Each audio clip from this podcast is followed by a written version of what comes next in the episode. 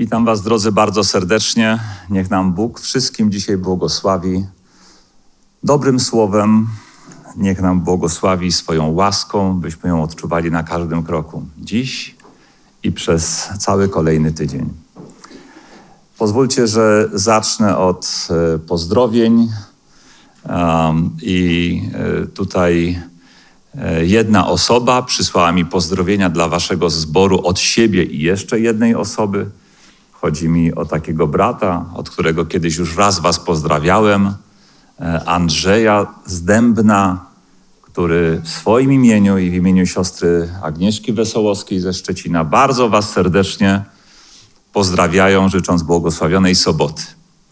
A jednocześnie brat Andrzej podzielił się ze mną taką e, smutną informacją dla niego, jego rodziny, że córka ich kuzynki, Kasia, 30-paroletnia kobieta, choruje na raka.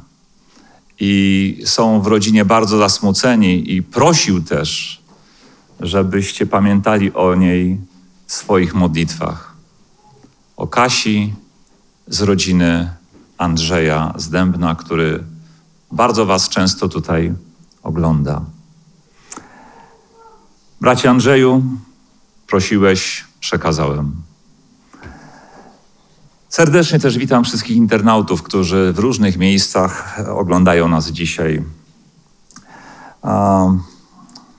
Zrobię, bracie, wszystko, co z mojej strony, e, na ile potrafię, żeby to kazanie było zrozumiałe, ale jednocześnie chcę powiedzieć, że aż tak e, aż tak się nie przejmujcie trudnością tego tekstu. E, I tak powiem o nim na samym końcu. E, ale wydawał mi się najpełniej, najbardziej pasujący do tego, co chciałem dzisiaj, e, dzisiaj Wam powiedzieć.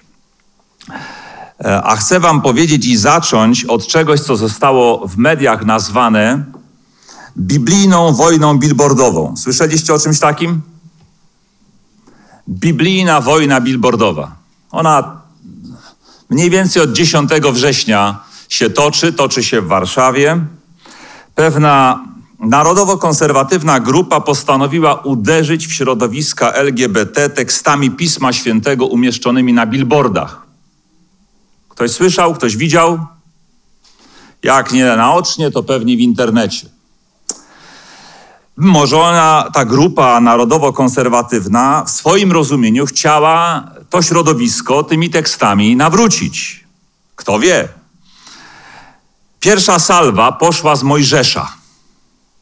I wokół Mojżesza to się będzie kręcić, dlatego yy, stwierdziłem i nadałem temu taki tytuł Mojżesz na wojnie. A dlaczego ślepców to wyjdzie pod koniec.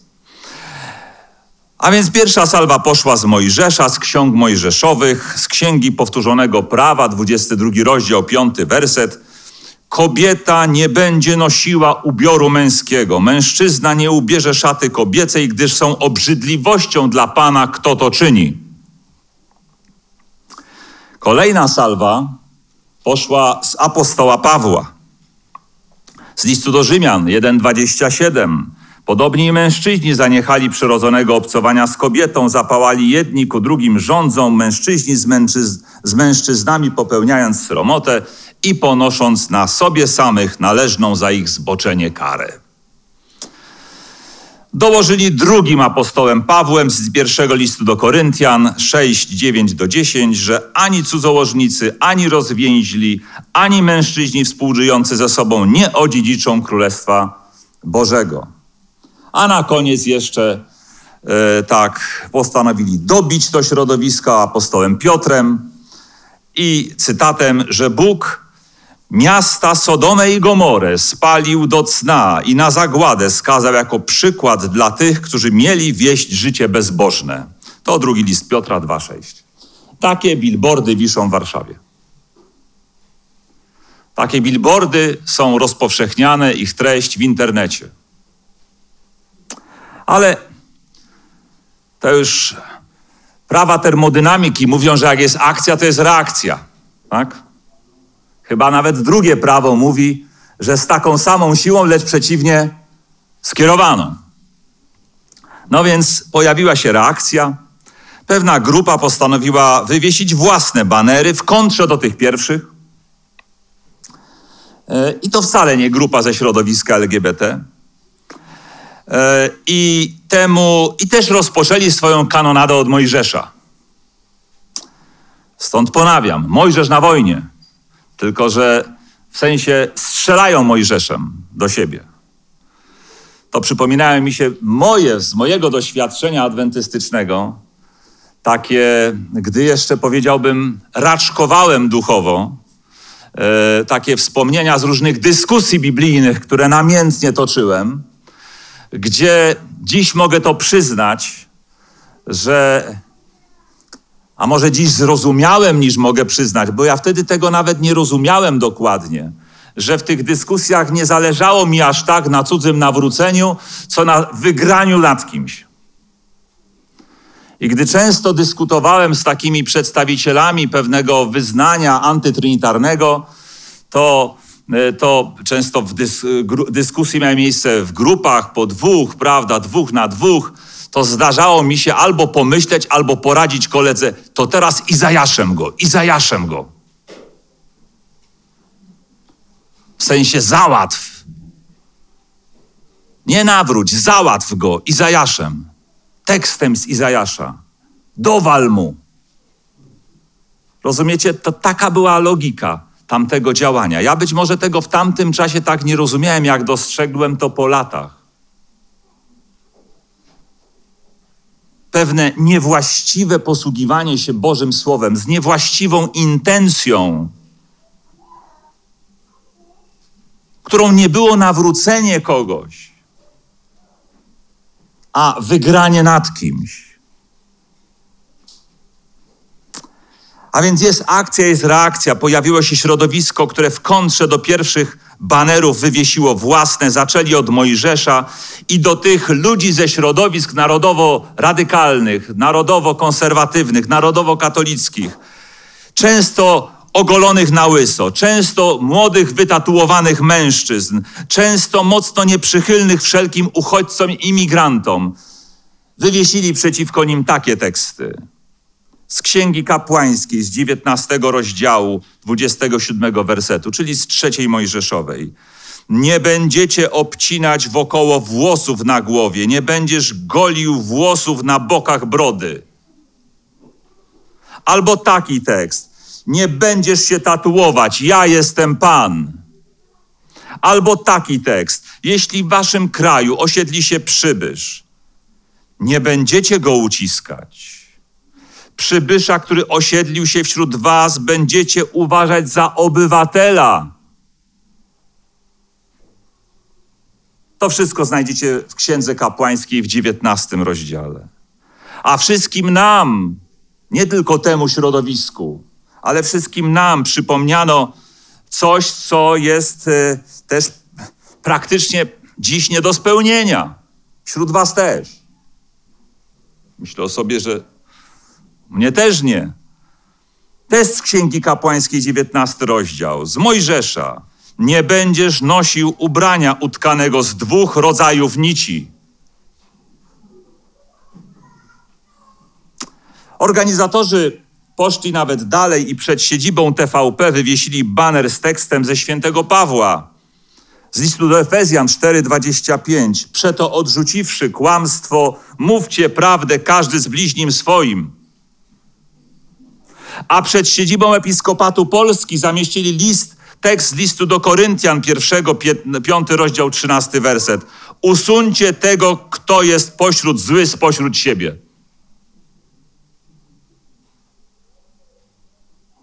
Ja wiem, po waszych uśmiechach pod nosem widzę, że może nawet niektóre teksty w pewnym kontekście się wam spodobały, ale bądźcie ostrożni, bo jak niektóre się wam podobają, to spójrzcie na inne, które były cytowane.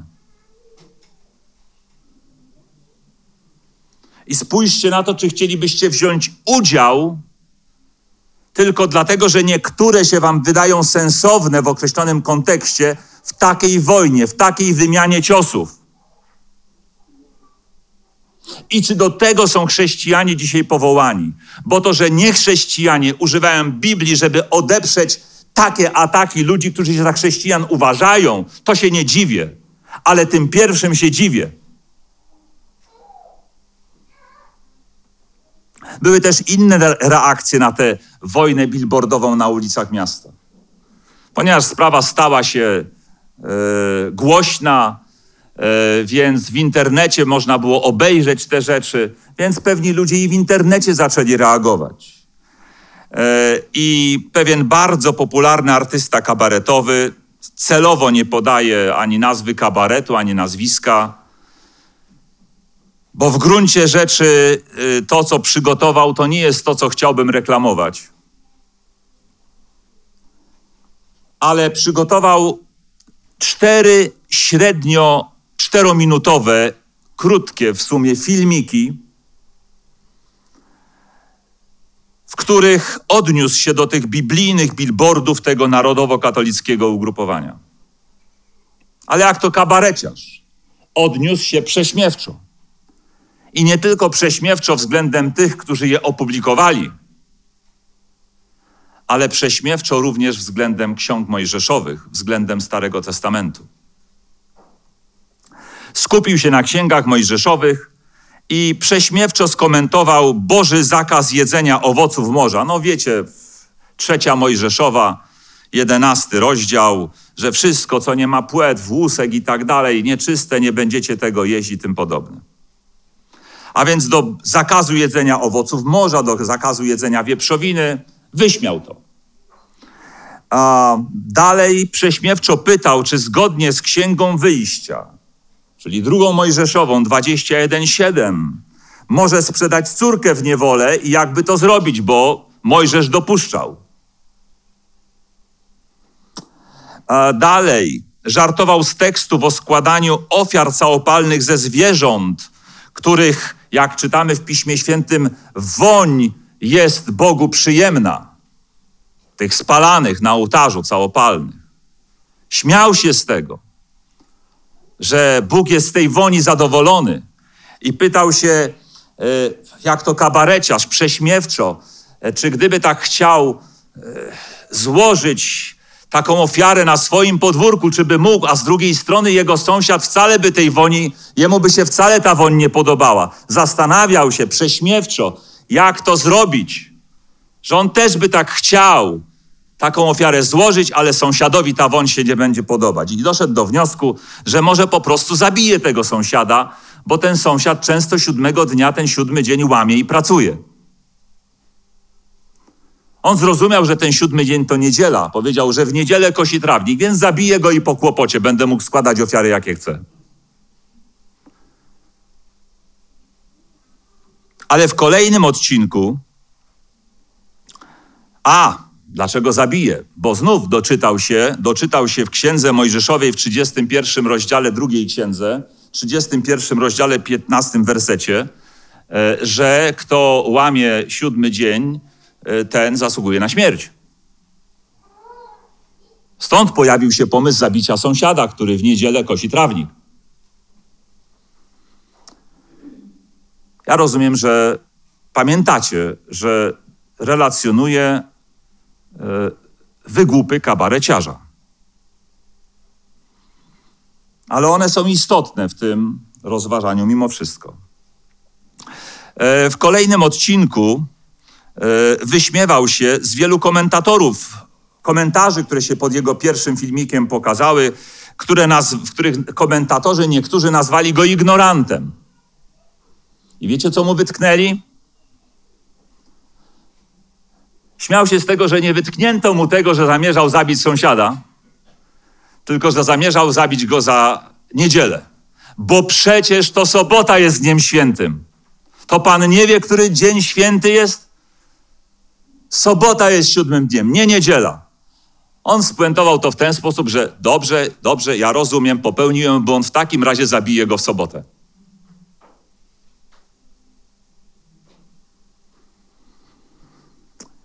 Wspomniał też inną komentatorkę, która w obronie sensowności i aktualności podziału na zwierzęta czyste i nieczyste wyraziła życzenie, by umarł na raka, którego niechybnie dostanie, bo nie przestrzega Bożych rad. Popatrzcie, jakie niektórzy mają pomysły na obronę Biblii.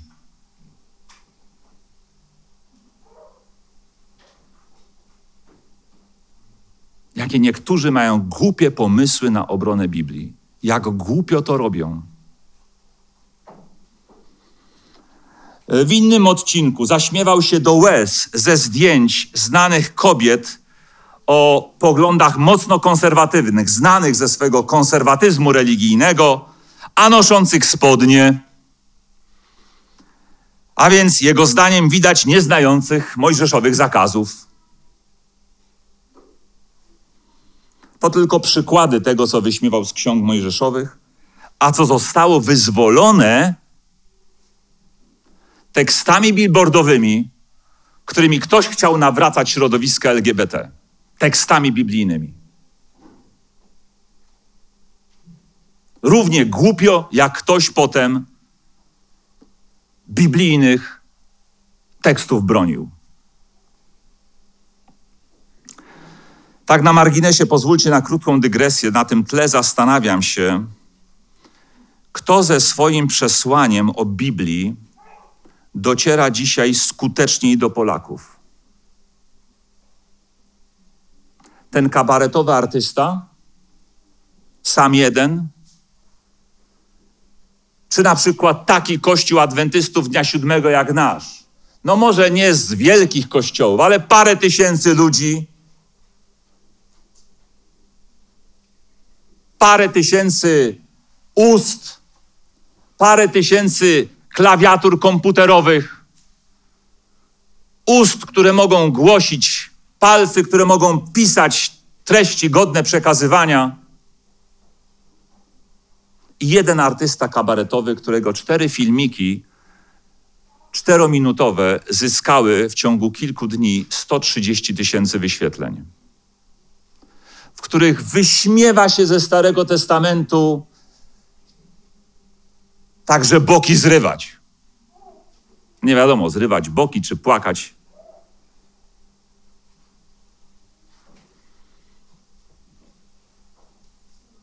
Co jest z nami nie tak, myślę, że po tylu latach bycia w tym kraju, ciągle mam wrażenie, że większe przebicie do społeczności potrafi mieć jeden artysta kabaretowy z poselstwem wyśmiewającym Pismo Święte, niż kilkutysięczny kościół, który bardzo często Stary Testament cytuje. I tak sobie myślę też, przynajmniej po niedawnym odcinku teleturnieju Milionerzy, też z września, gdzie zadano pytanie, który dzień dla adwentystów dnia siódmego jest dniem świętym,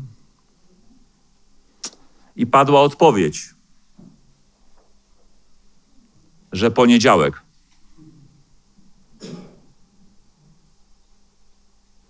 I znowu to się może wydawać na pierwszy rzut oka śmieszne. Ale powinniśmy płakać. Płakać co się z nami dzieje, że, że ludzie nie wiedzą, że dla adwentystów dnia siódmego dniem świętym, dniem pańskim jest sobota. Że nawet tego nie wiedzą, co mamy w nazwie. Rozumiem, że mogą nie znać różnych szczegółów naszego poselstwa, tego, co dziś studiowaliśmy na szkole sobotniej. Ale nawet tego, co mamy w nazwie,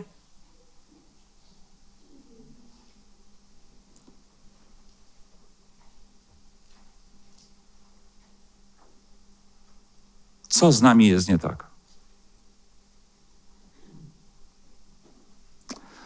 Z drugiej strony jest w tym wszystkim jedna pociecha, że Pan Jezus zapowiedział że jeśli my nie pójdziemy do ludzi z Jego poselstwem, to on tak zrobi, że nawet kamienie wołać będą.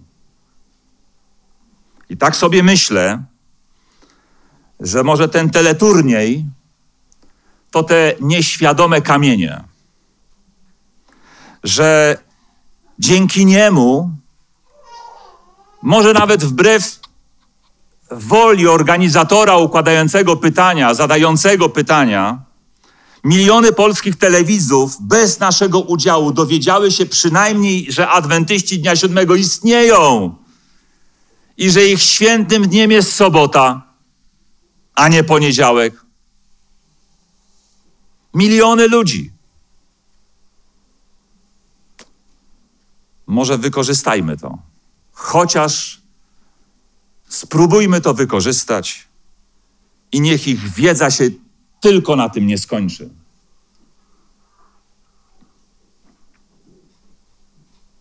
Ale wróćmy do wojny billboardowej jeszcze na moment.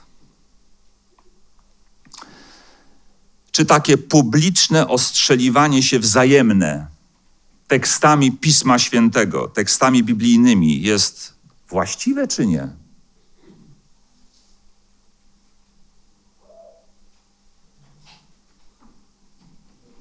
Na przykład mamy problem, że mało ludzi chce nas tu odwiedzić. To może jakiś billboard wynajmijmy w Podkowie Leśnej, zawieźmy na tym billboardzie jakiś tekst. Czy to jest dobre? Myślę, że czemu nie? W gruncie rzeczy chyba apostoł Paweł napisał, że takimi czy innymi sposobami, nieważne byleby Chrystus był głoszony. Albo e, z listu do Hebrajczyków, wielokrotnie i wieloma sposobami, e, prawda, głosili e, prorocy tę wieść o, o Chrystusie. Wielokrotnie i wieloma sposobami. To jest jeden ze sposobów. Myślę więc, że sam pro, samo to, że to na billboardzie wylądował tekst biblijny, nie jest problemem. Problemem jest, co byśmy chcieli na tym billboardzie zawiesić. W jakim celu byśmy te teksty tam zawiesili? Żeby kogoś naprawdę nawrócić, czy żeby komuś dołożyć? Bo jeśli zawiesza się po to, żeby komuś dołożyć, to żaden cel, nie, żaden środek nie uświęci takiego celu. Rozumiecie? Żaden, nawet biblijny tekst, najświętszy, nie uświęci takiego celu.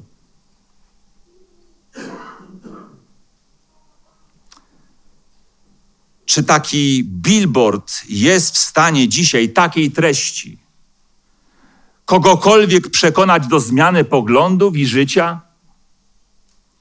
Czy taki billboard, czy te, które się pokazały, których teksty wam odczytałem, czy one promują naprawdę Biblię, czy zachęcają do jej czytania, czy przeciwnie, dewastują jej obraz w oczach szeroko pojętej opinii publicznej?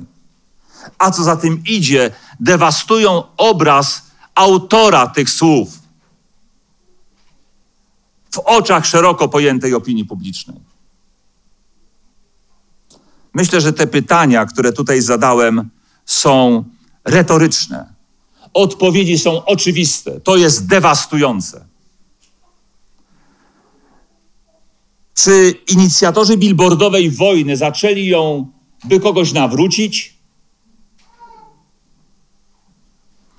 Czy można kogoś nawrócić tekstami o tym, że jest obrzydliwy? Tekstami o sromocie, tekstami o należnej karze spalenia do cna.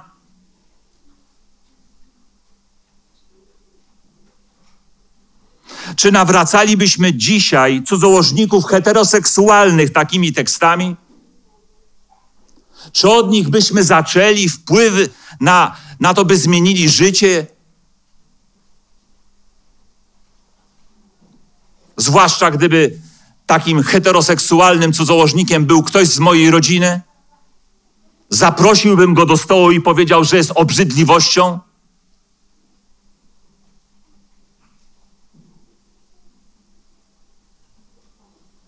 Czy nawracalibyśmy w ten sposób hazardzistów, nałogowych yy, nałogowców wszelakich używek, sklepowych złodziei czy wszelkich innych grzeszników? Od takich tekstów byśmy zaczęli. A może chodziło tym ludziom jedynie o przekonanie samych siebie do własnych racji? Efektem tego działania jest ośmieszanie Biblii. Statystyczni Polacy nawet zwykłych książek nie czytają. A co dopiero Biblię? Przez tego typu akcje statystyczny Polak zderza się z tekstem biblijnym, jakimś trudnym do wyjaśnienia nawet dla biblistów, nawet dla wieloletnich członków różnych kościołów. Zderza się z nimi zupełnie na to zderzenie nieprzygotowany.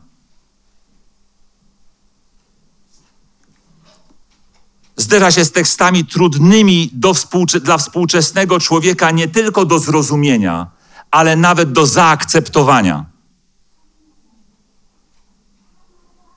Używając biblijnej metafory, serwuje się im w ten sposób, jako biblijnym niemowlęciom, od razu twardy pokarm zamiast mleka. W efekcie, w efekcie mogą się tylko zadławić.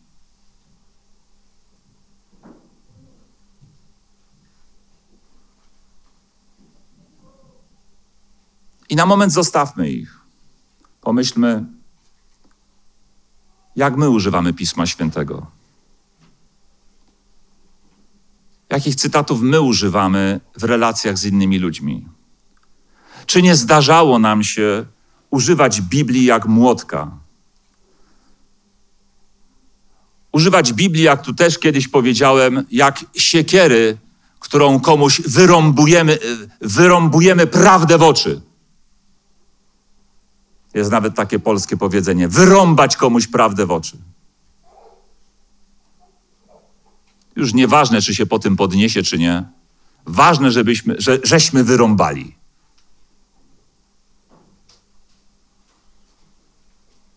Czy można Pismo Święte, Pisma Świętego używać niewłaściwie? Można. Ale ktoś powie, ale przecież oni tylko cytowali Biblię. Co w tym złego? Ludźmi trzeba czasem potrząsnąć. Przecież to wszystko sama czysta prawda, co było na tych billboardach. Może i prawda. Ale nawet prawda podana przed czasem, nawet prawda podana bez innych prawd, nawet taka prawda potrafi skrzywdzić. Nawet prawda podana ze złej motywacji potrafi skrzywdzić. No chyba, że macie inne zdanie. Ale ja mam takie, jak powiedziałem. Czy szatan podczas kuszenia Jezusa na pustyni, o czym możecie przeczytać, nie będziemy teraz czytać tego, czwarty rozdział Ewangelii Mateusza, czy nie cytował mu Biblii? Czy nie rzucał mu cytatami z Pisma Świętego, żeby przekonać do pewnych niewłaściwych zachowań?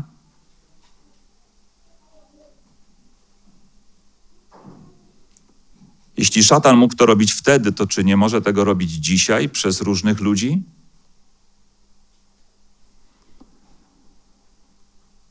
Można cytować teksty biblijne, ale w niewłaściwym celu. Nie aby budować, ale aby burzyć. Nie aby podnosić, ale aby powalać. Aby usprawiedliwiać przemoc. Można? Drogie panie, tu i przed ekranami. Mało mamy życiowych doświadczeń, choćby tylko ze słuchu,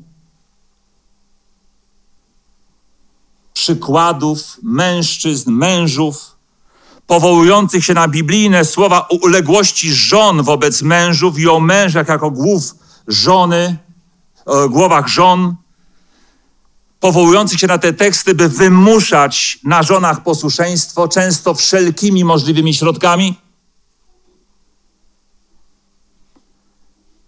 i te wszelkie możliwe środki z przemocą włącznie usprawiedliwiać czym? Biblią. Można używać Biblii w niewłaściwy sposób?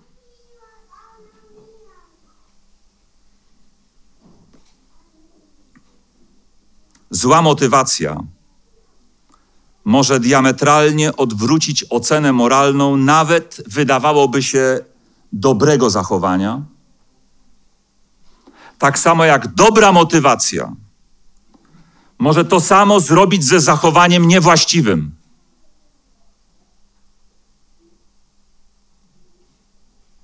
Oto dlaczego Pismo Święte mówi, żeby oceniając cudze zachowania, patrzeć tak jak Bóg. Nie tylko na to, co się ma przed oczami, nie tylko na to, co widać, ale na serce. Czyli starać się rozpoznać motywację, pobudki działania, bo nawet coś wydawałoby się złego, jak przyjrzymy się motywacji, odpuścimy. A coś wydawałoby się dobrego, któremu przyświeca zła motywacja, będziemy musieli ocenić bardzo negatywnie.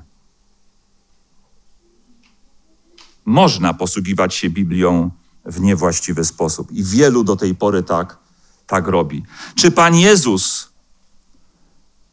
wywalał, jak to się mówi potocznie, każdemu i zawsze prawdę w oczy? Czy mówił wszystko, co miał na żołądku od razu? Czy może zachowywał pewne rzeczy na potem, kierując się możliwościami, percepcją swego słuchacza? Czy nie czytamy w Ewangelii Jana 6, 16, 12, kiedy powiedział do uczniów: Mam wam jeszcze wiele rzeczy do powiedzenia, ale teraz znieść tego nie możecie?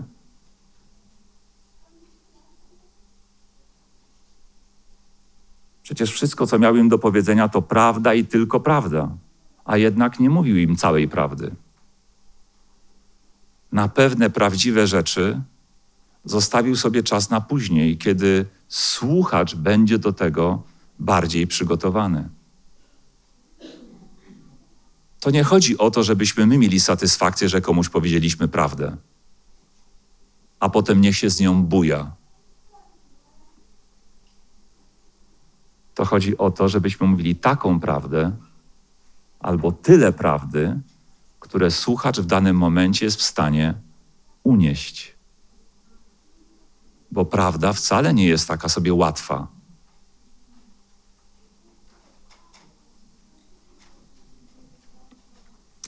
Inny problem wszystkich stron e, tej billboardowej wojny na teksty biblijne to wyrywanie tych tekstów z kontekstu. Przez co trudno te teksty potem postronnym zrozumieć. Kontekst tekstów może być bliższy, a więc najbliższych tekstów sąsiadujących wyżej, niżej w danym rozdziale, gdzie ten tekst się pokazuje, albo może być kontekst dalszy, gdzie podobne do tego cytowanego fragmentu teksty znajdują się też w innych fragmentach Pisma Świętego, w innych księgach, prawda? Coś ze Starego Testamentu może być skomentowane w Nowym Testamencie i odwrotnie. Trzeba spojrzeć na całość czasem, żeby zrozumieć pewne rzeczy. To tak jak się idzie do lekarza, prawda? Który patrzy czasem na wycinek naszego organizmu i może podać błędną diagnozę, gdy nie uwzględni, że to, co się dzieje w jakimś jednym organie, ma powiązanie z innymi organami, albo źródło w złym stanie zdrowia innych organów.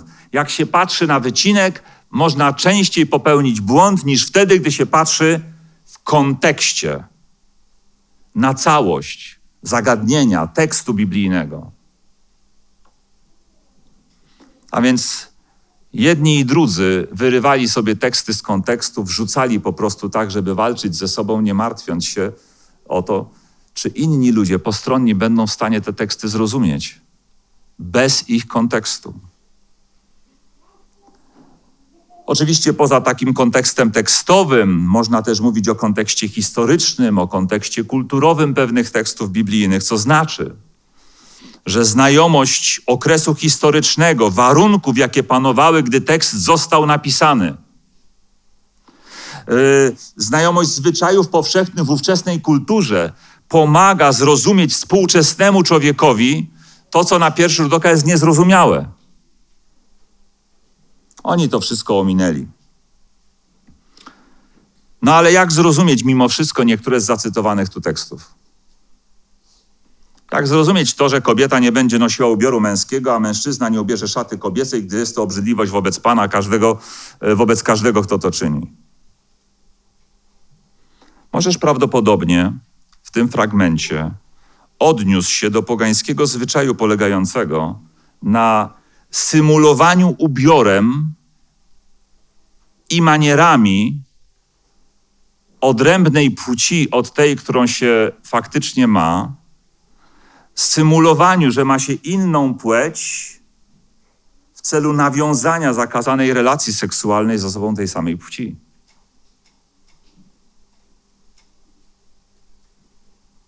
Niektórzy nie potrzebują do tego się przebierać.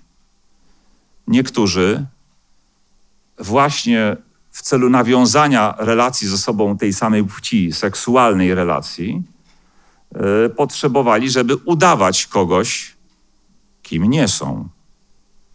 Ja nie chcę tutaj, dla tych, którzy mnie słuchają, wchodzić w tym momencie we wszelkie dzisiejsze yy, rozumienia i definicje, bo to nie jest miejsce i czas pojęć transwestytyzm, transseksualizm, tożsamość seksualna itd., tak itd. Tak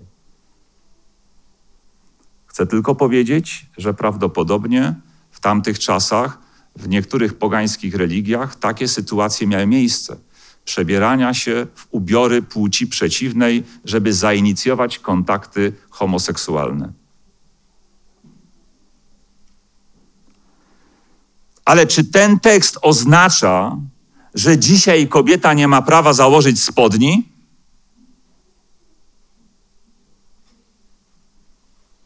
Kto tak myśli, zakłada, że spodnie są strojem męskim. A ja się pytam, czy jest gdzieś w Biblii na to tekst, że spodnie są ubiorem męskim? Może jest tylko jedna wzmianka, jedna, że spodnie, coś w rodzaju spodni, było elementem stroju kapłanów, noszonym pod długą tuniką. Ale to chyba za mało, żeby uznać je za strój typowo męski w Biblii. W Biblii suknie nie są strojem typowo kobiecym. Nosili je i mężczyźni, i kobiety. Czy nie rzucano losów o suknię Pana Jezusa? Suknię. Czy Pan Jezus swoim uczniom nie polecił, żeby sprzedali swoje suknie, a kupili miecze? Tak na marginesie już sam ten tekst byłby bardzo ciekawy do rozważania. Jak to? Przecież kto mieczem wojuje od miecza ginie. A Jezus mówi: sprzedajcie swoje suknie, kupcie miecze. Jak ktoś nie wie, gdzie to jest, to wspomnę Ewangelia Łukasza 22-36. Macie się nad czym zastanawiać dzisiaj. Ja wam tego tekstu akurat nie wyjaśnię. Wydaje się więc, że da, o damskim czy męskim charakterze ubioru przesądzają raczej aktualnie panujące w danym społeczeństwie zwyczaje w Szkocji spódnica w kratę, w konkretny rodzaj kraty, w konkretny rodzaj spódnicy, traktowana jest jako tradycyjny ubiór męski. Nie ma żadnych więc podstaw, by twierdzić, że współcześni Polacy traktują spodnie jako, typ, jako ubiór typowo męski, a kobietę w spodniach postrzegają jako jakieś publiczne zgorszenie. No a co z tą sromotą męsko-męską i należną za ich zboczenie karę, o czym mówi list do Rzymian, pierwszy rozdział, 27 werset. No tak jest napisane, ale z drugiej strony, z drugiej strony, niezależnie jak bardzo by nam pewne teksty pasowały dla uzasadnienia naszych wierzeń, to musimy być uczciwi. A uczciwość wymaga przypomnienia, być może dla niektórych wykazania i po raz pierwszy, żeby się o tym dowiedzieli, że gdy spojrzycie na ten tekst do dosłownego tłumaczenia z języka greckiego, takiego przekładu polsko-greckiego, gdzie pod tekstem polskim jest, gdzie pod tekstem greckim jest tekst polski. Jest taki Nowy Testament grecko-polski, gdzie autorzy starali się oddać jak najdosłowniej. To tam w tym fragmencie nie przeczytacie słowa zboczenie. To słowo nigdzie indziej nie występuje w Nowym Testamencie powszechnie w tłumaczeniach, tylko w tym jednym fragmencie. Ale to właśnie to słowo w tym fragmencie, w tym najbardziej z, z dosłownych przekładów na język polski, brzmi, że to e, brzmi następująco, że mowa jest o zapłacie za błąkanie się ich. Nie za ich zboczenie, za błąkanie się ich. Wydaje się więc, że gatunkowo te słowa, oczywiście to jest grzech. I Biblia potępia takie grzeszne zachowania i wzywa do ich porzucenia. Mówię to bardzo wyraźnie. Ale też nie szafujmy zbyt swobodnie pewnymi słowami, które w Biblii występują w wielu tłumaczeniach tylko w tym jednym miejscu, a jak się konkretnie przyjrzeć, nawet użyte jest inne słowo niż to, które powszechnie jest podawane. Słowo w wydźwięku łagodniejsze. Nadal wskazujące na błąd i grzech, ale łagodniejsze. Nie szafujmy też, ostrożnie to róbmy, zrzucaniem do ludzi o Sodomie i Gomorze. Tak, to są takie teksty biblijne. Ale czy Izraelici w swojej historii często nie zachowywali się gorzej niż mieszkańcy Sodomy i Gomory? Mamy teksty biblijne, które na to wskazują, że zachowywali się gorzej niż mieszkańcy Sodomy i Gomory.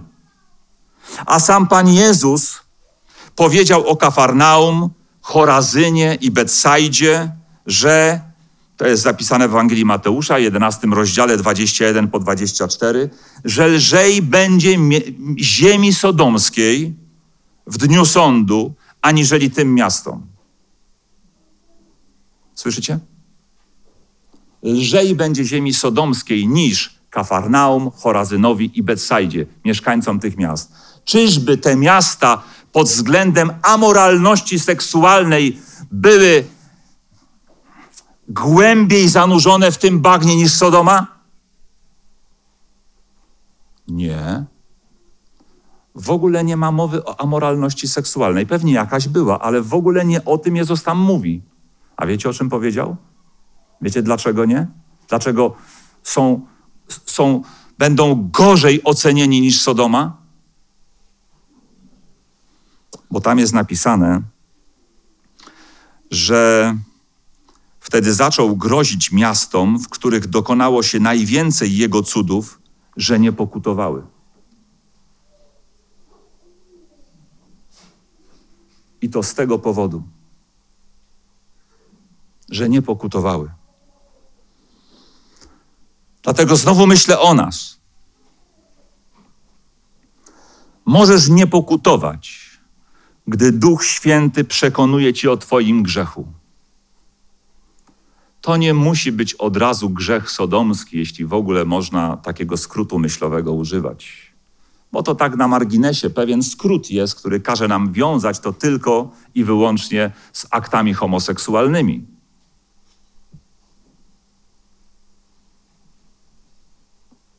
Tam można by się było paru innych tragicznych wykroczeń dopatrzeć, które miały miejsce e, w Sodomie i Gomorze, jak naruszenie świętego prawa gościnności. Było to? Było to? Gdy atakowano gości Lota. Prawo gościnności było świętym prawem, a oni chcieli je naruszyć. Ale patrzę się też na samego Lota. Jeśli ktoś mi chce powiedzieć, jeśli ktoś mi chce powiedzieć, że ci sodomici, to prawda, przez te akty homoseksualne, to tak, tacy byli źli, to ja się pytam. To Lot, który jest gotowy oddać im własne córki, żeby je zgwałcili.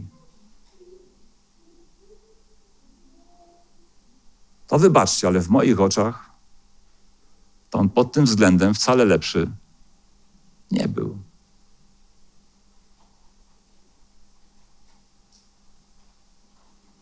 A więc nie twórzcie sobie takiej bardzo prostej kalki, że grzech sodomski to jest tylko jedna, jedna, jedna odsłona grzechu.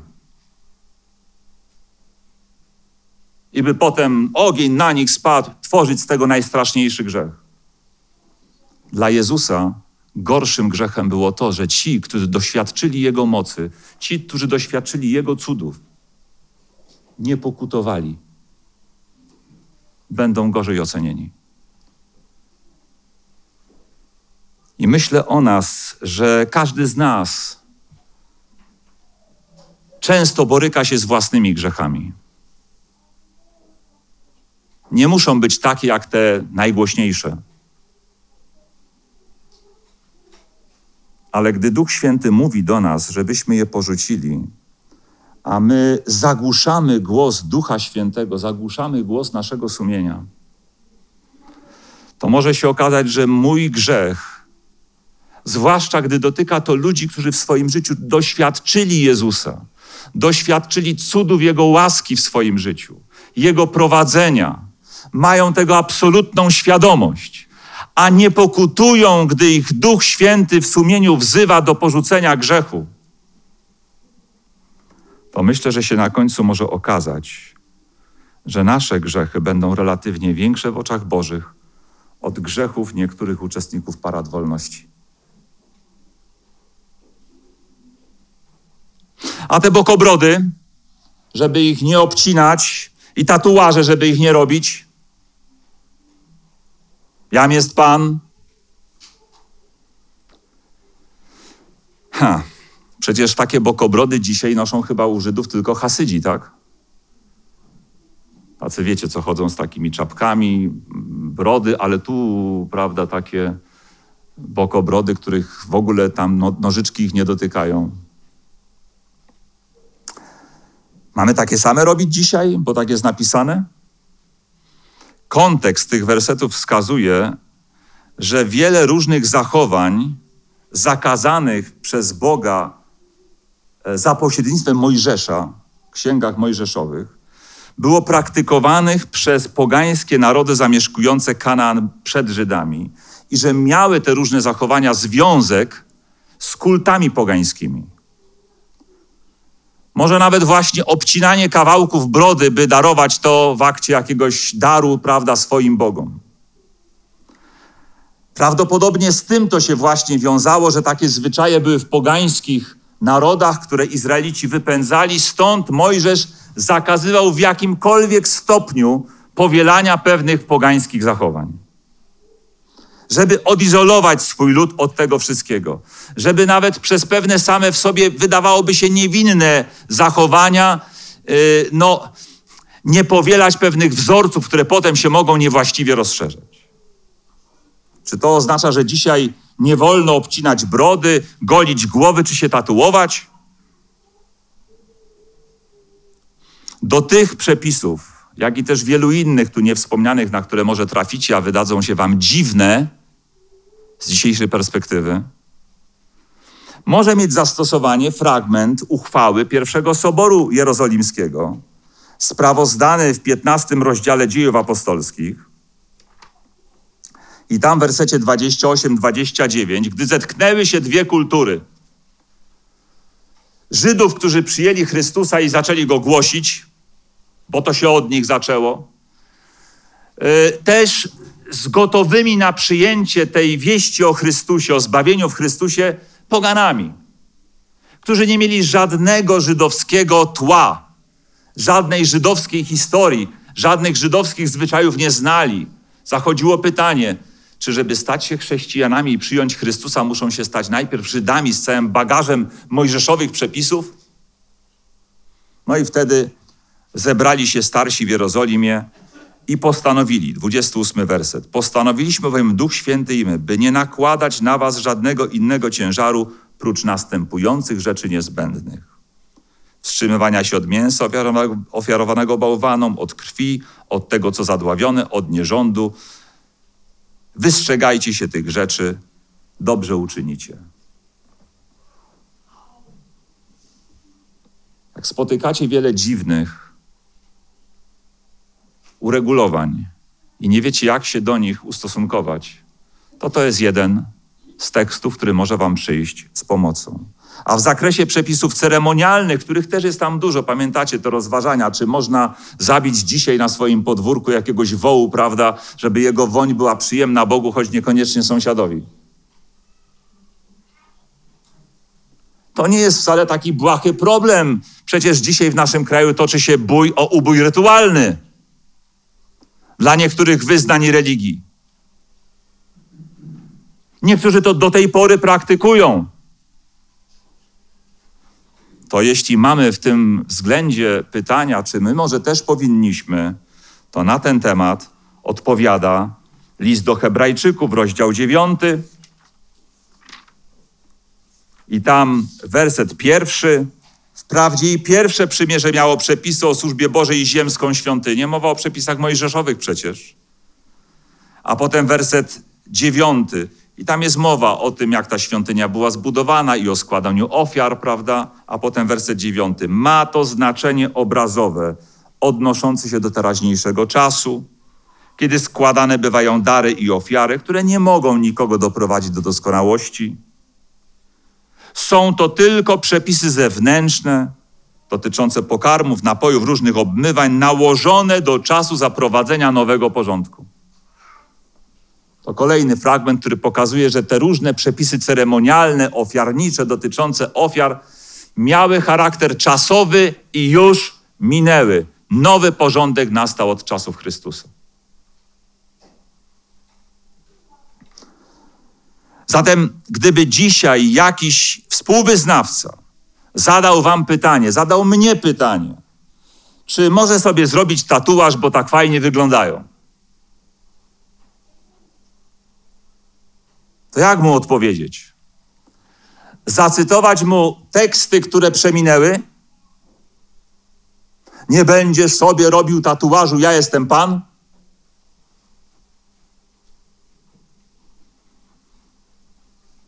Ja bym zamiast Mojżesza zacytował mu Pawła. Choćby z pierwszego listu do Koryntian 6:12. Wszystko mi wolno. Tatuaż też? Też.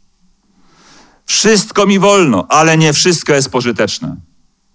Wszystko mi wolno, ale ja się nie dam z niczym zniewolić. A kiedy patrzę na niektóre wytatuowane osoby, że już mają więcej tatuaży niż czystej skóry, to myślę sobie, że one się już dały zniewolić.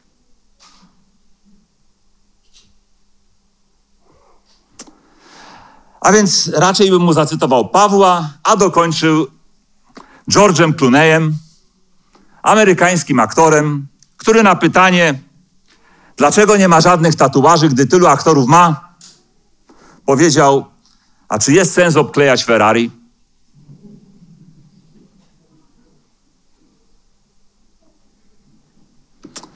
Wasz uśmiech znaczy, że nie ma. No dobrze, a co z tym zakazem łączenia nici w jednym ubraniu? Ten zakaz nie jest jasny nigdzie indziej się nie powtarza. Także możemy jedynie próbować się domyślać, szukać. Może chodziło o jakiś materialny symbol zasady, którą Bóg chciał wpoić Izraelitom. Zasady żeby, gdy wkraczali do Kanaanu, gdy mieli do niego wkroczyć, zasady, żeby jako święty naród nie mieszali się z pogańskimi narodami, żeby nie mieszali się w małżeństwach, bo od tego to się zaczyna. Święty z nieświętym, wierny z niewiernym. Chrześcijanin, czy też wyznawca prawdziwego Boga e, z kimś, kto w Boga nie wierzy. Może to był taki materialny wyraz uczenia ich, żeby nie mieszać jakby dwóch różnych rodzajów ze sobą. Ale to jest tylko domysł. Myślę, że mimo wszystko prześpię tę noc dobrze, nawet jeśli do końca nie wiem o co tu chodzi. Jeśli się sami wyspaliście dobrze, a kiedyś ten tekst czytaliście, znaczy, że generalnie nie przeszkadza on nam spać. No, są takie teksty, na które mam specjalny kajecik, mam nadzieję, że się ostanie, gdy wszystko spłonie, do którego sięgnę i przez te tysiąc lat będę zadawał Bogu pytania o te wszystkie teksty, których nie rozumiem.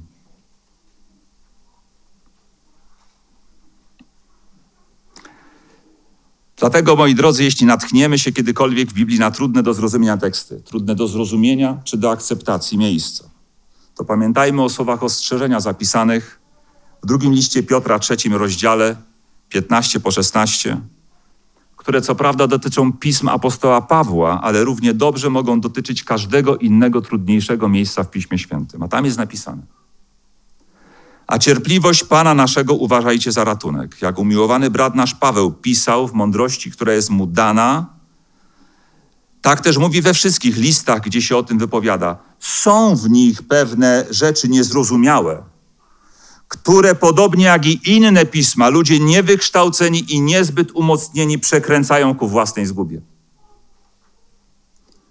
Można Biblię przekręcać jej teksty ku własnej zgubie?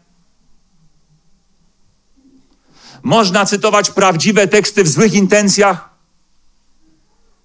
a potem źle je komentować, wyciągać nie takie wnioski, które należało, albo przerzucać się tekstami, żeby komuś udowodnić swoją rację, która racją być nie musi. Można, to się wszystko dzieje na naszych oczach. Można, czego sami wielokrotnie doświadczaliśmy albo robiliśmy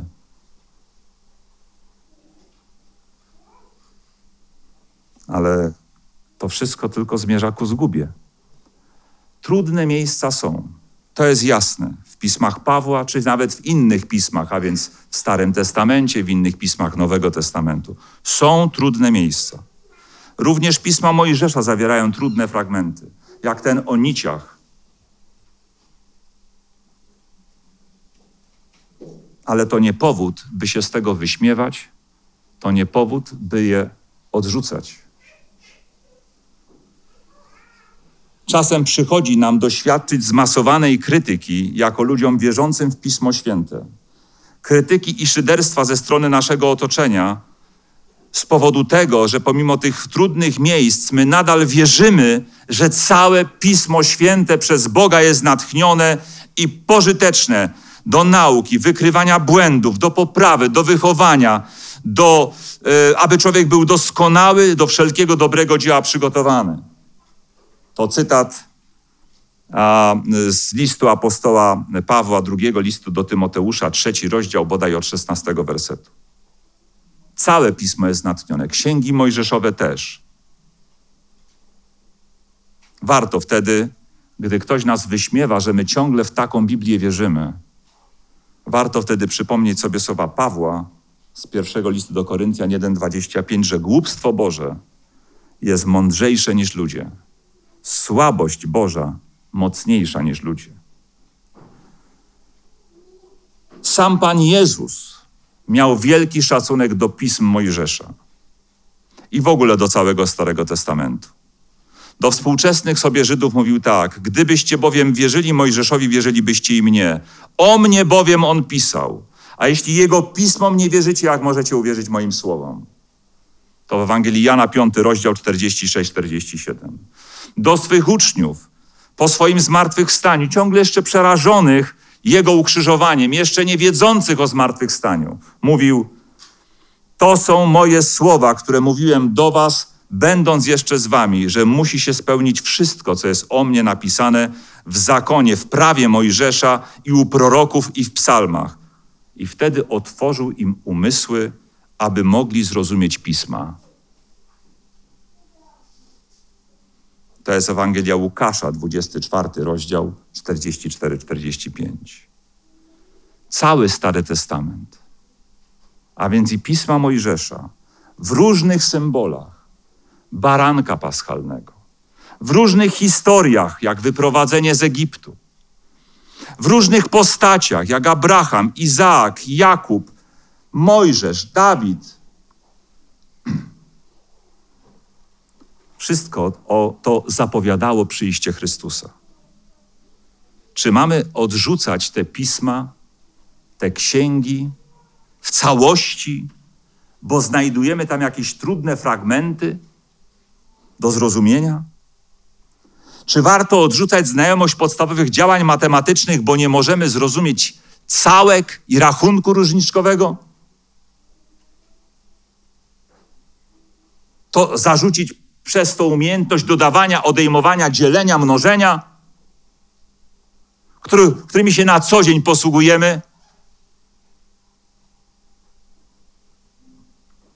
Gdzie, jak nie u Mojżesza, znajdziemy przepisy o izolowaniu zakaźnie chorych? Gdzie znajdziemy w innych źródłach starożytnych przepisy o higienie osobistej? A nawet w tym dziewiętnastym rozdziale Księgi Kapłańskiej, trzeciej Mojżeszowej, obok tych przepisów o brodach, prawda, ubraniach i tak dalej, znajdziemy przepis, na którym opiera się cała nauka nowotestamentowa. Żeby miłować bliźniego, żeby miłować bliźniego.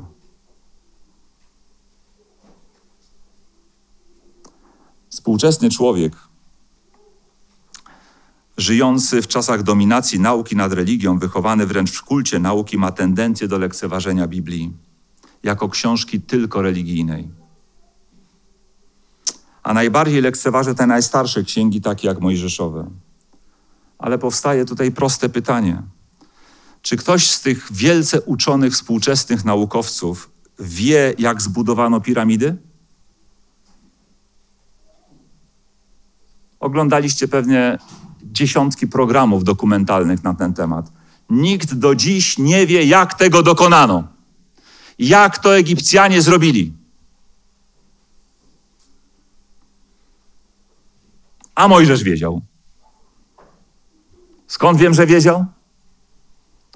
z dziejów apostolskich 7:22, gdzie jest napisane, że Mojżesza, który przecież był księciem egipskim, wdrożono też Mojżesza we wszelką mądrość Egipcjan. W budowie piramid też? Jak we wszelką, to we wszelką. Nie lekceważmy więc jakichś tekstów autorstwa Mojżesza tylko dlatego, że wydają się śmieszne, tylko dlatego się tak wydają, że z perspektywy współczesnego człowieka, bez uwzględnienia kontekstu tekstowego, historycznego, kulturowego, geograficznego, nie jesteśmy w stanie tych tekstów zrozumieć. Wyśmiewając się z nich, dajemy złe świadectwo albo też ludzie, bo nie my, się z nich wyśmiewający dają złe świadectwo nie tym tekstom, ale sobie.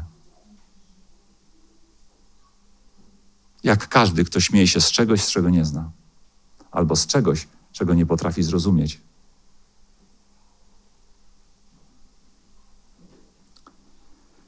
No i obiecałem Wam, że na końcu, wreszcie dobrnęliśmy do końca, odniosę się do tekstu, który był na początku cytowany. Nie tak jak Mojżesz, który kładł zasłonę na oblicze swoje, by synowie izraelscy nie patrzyli na koniec tego, co miało ustać, lecz umysły ich otępiały, albowiem do dnia dzisiejszego przy czytaniu Starego Przymierza ta sama zasłona pozostaje nieodsłonięta, gdyż w Chrystusie zostaje ona usunięta. Tak jest też po dzień dzisiejszy, ilekroć czyta się Mojżesza, zasłona leży na ich sercu, lecz gdy się do Pana nawrócą, zasłona zostaje zdjęta. Drugi list do Koryntian, trzeci rozdział, 13 po 16. Ten fragment odwołuje się do historii z Księgi Wyjścia, Mojżeszowej, drugiej, 34 rozdziału, wersety 33-35, kiedy to Mojżesz po zejściu z góry Synaj z przykazaniami Bożymi, kiedy to jego twarz promieniała po rozmowie Bożej z Bogiem tak, promieniała, że Izraelici byli przestraszeni, bali się do niego nawet podejść, widząc to nadnaturalne zjawisko. Także Mojżesz musiał sobie nawet na jakiś czas zasłaniać twarz. I w tym liście do Koryntian apostoł używa tamtej historii jako symbolu Żydów w jego czasach, którzy czytali księgi Mojżesza, a nie byli w stanie dostrzec w nich tego, co najważniejsze. Nie byli w stanie dostrzec w nich zapowiedzi Chrystusa, zapowiedzi Jego dzieła, które miał dokonać. Czytali te księgi i skupiali się na rzeczach drugorzędnych zamiast na pierwszorzędnych. I dopiero uwierzenie, że obiecanym Chrystusem był Jezus z Nazaretu, przywróciło im wzrok i pozwoliło spojrzeć na wszystko z nowej perspektywy. Do tego momentu byli jak zaślepieni, jak zasłoną na oczach. Do dziś niewiele się zmieniło, jak widać z billboardowej wojny na teksty mojżeszowe. Ludzie nadal dziś czytają Mojżesza i widzą w jego księgach rzeczy drugo, trzecio i czwartorzędne i wiele takich, które już nas nie obowiązują. I strzelają nimi jedni w drugich. Nie mówię, że wszystko nie obowiązuje, ale wiele nie obowiązuje, ale są gotowi strzelać do siebie tymi drugo, trzecio i czwartorzędnymi rzeczami. A nie widzą zapowiedzi zbawienia w Chrystusie, zapowiedzi Jego służby, zapowiedzi Jego przyjścia pierwszego, drugiego. Jedni nie widzą, bo są zaślepieni w swoim chrześcijaństwie, które chcą bronić przed wszelką obrzydliwością w głupi sposób.